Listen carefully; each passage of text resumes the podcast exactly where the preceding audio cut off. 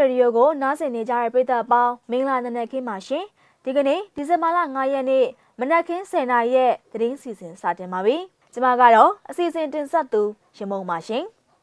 တယ်လီယန်တရားနီမှာတနက်ပစ်ခတ်မှုတွေဖြစ်ပွားခဲ့ပါတယ်ဒီချိန်မှာတော့စစ်ကောင်စီတပ်ကိုမိုင်းဆွဲပြီးတော့လောင်စာစီတင်ရင်ကို PDF ကမီးရှို့ဖျက်ဆီးခဲ့တာပါ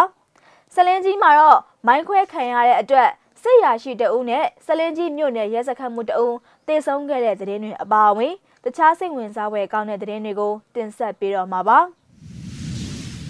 ဦးဆောင်သတင်းတပုတ်အနေနဲ့ရန်ကုန်တိုင်းတန်လျင်မြို့ဘက်ကတရားအစစ်မှာမနေ့ကည9နာရီအချိန်ခန့်မှာတနက်တွေအပြန်အလှန်ပြစ်ခတ်တံတွေကြားခဲ့ရကြောင်းဒေသခံတွေကပြောကြားခဲ့ပါတယ်။တန်လျင်တရားထိန်တန်လျင်ဘက်အစင်းစစ်တပ်အထိုင်ဂိတ်ရှိမှာပြစ်ခတ်တံအချက်20ခန်းနဲ့အပြန်အလှန်ပြစ်ခတ်မှုတွေဖြစ်ပွားခဲ့ကြောင်း ဘယ်အဖွဲ့အစည်းကလာရောက်ပြစ်ခတ်တယ်လဲဆိုတာကိုတော့တေချာမသိရှိရသေးကြောင်း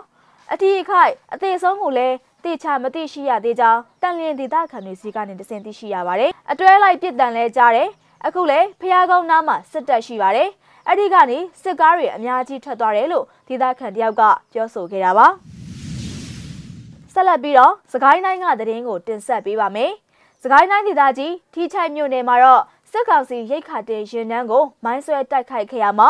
စစ်ရင်တန်းနဲ့အတူပါလာတဲ့မိထီလာလေတက်စခန်းကိုပို့ဆောင်မဲ့လောင်စာစီတွေတဲဆောင်လာတဲ့စီတဲ့တင်ရင်တစည်းကိုမနေ့ကနေ့လယ်ကမီးရှို့ဖျက်ဆီးနိုင်ခဲ့ကြောင်းဒေသခံ PDF အဖွဲ့ဝင်တအုပ်ကမျက်စိမှကိုပြောကြားခဲ့တာပါ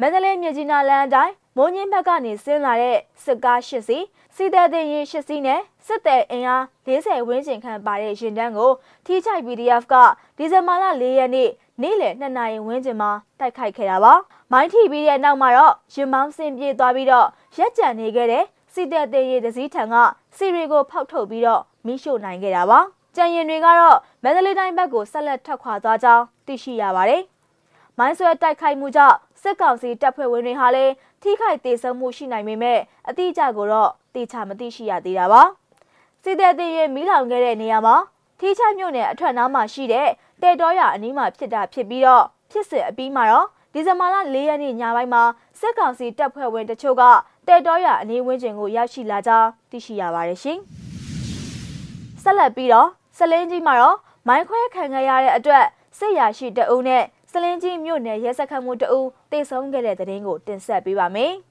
စကိုင်းတိုင်းရင်းမာပင်ခရိုင်စလင်းကြီးမြို့နယ်မှာတော့စစ်ရာရှိတအုပ်နဲ့စလင်းကြီးမြို့နယ်ရဲစခန်းမှုလိုက်ပါလာတဲ့ကားမိုင်းခွဲခံခဲ့ရတဲ့အတွက်စစ်အရာရှိနဲ့ရဲစခန်းမှုတေဆုံးသွားကြောင်းမုံရွာ UG Group ကပြောဆိုခဲ့ပါတယ်။ဒီဇင်ဘာလ၄ရက်နေ့နေ့လယ်ပိုင်းစကိုင်းတိုင်းရင်းမာပင်ခရိုင်စလင်းကြီးလမ်းမကြီးပေါ်မှာစစ်အရာရှိနဲ့စလင်းကြီးမြို့နယ်ရဲစခန်းမှုလိုက်ပါလာတဲ့အိမ်စီးကမိုင်းခွဲခံရခြင်းဖြစ်ကြောင်း အဲ့ဒီအိမ်စီးကဟာစလင်းကြီးလမ်းမကြီးပေါ်မုံရွာ UG Group နဲ့မဟာမိတ်အဖွဲ့ကတီထောင်ထားတဲ့မိုင်းပစ်ကွင်းတွေကိုရောက်လာခဲ့တဲ့အတွက်မိုင်းဆွဲတိုက်ခိုက်လိုက်တာဖြစ်ကြောင်းမုံရွာ UG Group ရဲ့တာဝန်ရှိသူတို့ကပြောကြားခဲ့တာပါကျွန်တော်တို့ကကြိုဆောက်နေတာပါကျွန်တော်တို့ပြစ်မှတ်သေးကိုဝင်လာခဲ့တဲ့အတွက်ကြောင့်အခုလိုမိုင်းဆွဲလိုက်တာပါ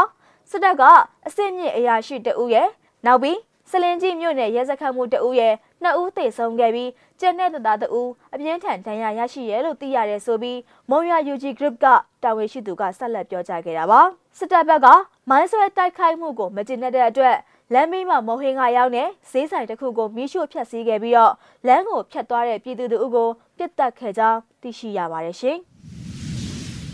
နောက်ဆုံးသတင်းသဘောအနေနဲ့နိုင်ငံလုံးဆိုင်ရာဗမာကျောင်းသားသမဂ္ဂများအဖွဲ့ချုပ် အဖွဲ့ဝင်ဟောင်းတဦးဖြစ်သူကိုနင်းအောင်ကိုဒီဇင်ဘာလ3ရက်နေ့မှာစကိုင်းတိုင်းကမလူမြို့နယ်မှာပြူစောထီတွေနဲ့အကြမ်းဖက်စစ်တပ်တပ်ဖွဲ့ဝင်တချို့ရဲ့တပ်ဖြတ်ခြင်းကိုခံခဲ့ရကြောင်းသိရှိရပါတယ်။ကိုနင်းဟန်ကိုပြူစောထီတွေကတနက်နဲ့ပြစ်ခတ်ခဲ့တဲ့အတွက်တေဆုံးသွားခဲ့တာဖြစ်ပြီးတော့လက်ရှိအချိန်မှာတော့အလောင်းကိုပြန်လည်ရယူနိုင်ခြင်းမရှိသေးကြောင်းသူနဲ့နီးစပ်သူတွေထံကနေတဆင့်သိရှိရတာပါ။ကိုနင်းအောင်က သူခရီးသွားရင်ပြူစောထီတွေနဲ့စစ်ကောင်စီတပ်သားတချို့စစ်တဲ့အချိန်နဲ့တိုးသွားတာပါသူ့မှာငွေသိန်းတရာကျော်လဲပါပါတယ်ပြူစောထီတွေကငွေတွေကိုယူသွားပြီးတော့နှိပ်စက်တပ်ဖြတ်ခဲ့တာပါလို့သူနဲ့နီးစပ်သူတို့ကအတည်ပြုပြောကြားခဲ့တာပါကိုနင်းအောင်ဟာ2016ခုနှစ်မှာဘခသများအဖွဲ့ချုပ်ဗဟိုရဲ့ရွေးကောက်ခံကိုယ်စားလှယ်တိုင်းရင်းသားရေးရာတာဝန်ခံတအုပ်အဖြစ်တာဝန်ယူခဲ့သူလည်းဖြစ်ပါတယ်ဒါအပြင်စစ်တပ်ကအာဏာသိမ်းခံရတဲ့ကာလတစ်လျှောက်လုံးမှာလည်း မန္တလေးစစ်ကြောင်းနဲ့အတူလိုက်ပါပြီးတော့စစ်အာဏာရှင်စနစ်ကိုတပိတ်မောက်ဆန္ဒပြမှုတွေလည်းတောက်လျှောက်ပြုလုပ်ခဲ့သူပါကိုနေအောင်ပြစ်ခတ်ခံခဲ့ရတဲ့နေရာဟာစစ်တပ်ထောက်ခံသူတွေနဲ့ပြူစောထီးတွေအနှဲငယ်ရှိနေတဲ့နေရာတစ်ခုဖြစ်ပြီးတော့ပြူစောထီးတွေဟာလက်နက်အပြည့်အစုံနဲ့ရှိနေတဲ့နေရာလည်းဖြစ်ပါတယ်ရှင်ဒီဇင်ဘာလ9ရက်နေ့မနက်ခင်း7:00နာရီထိနောက်ဆုံးရရှိထားတဲ့သတင်းတွေကိုနေစီမရေဒီယိုကနေထုတ်လွှင့်တင်ဆက်ပေးခဲ့တာပါ။နားဆင်ပေးခဲ့တဲ့အတွက်ကျေးဇူးတင်ပါတယ်ရှင်။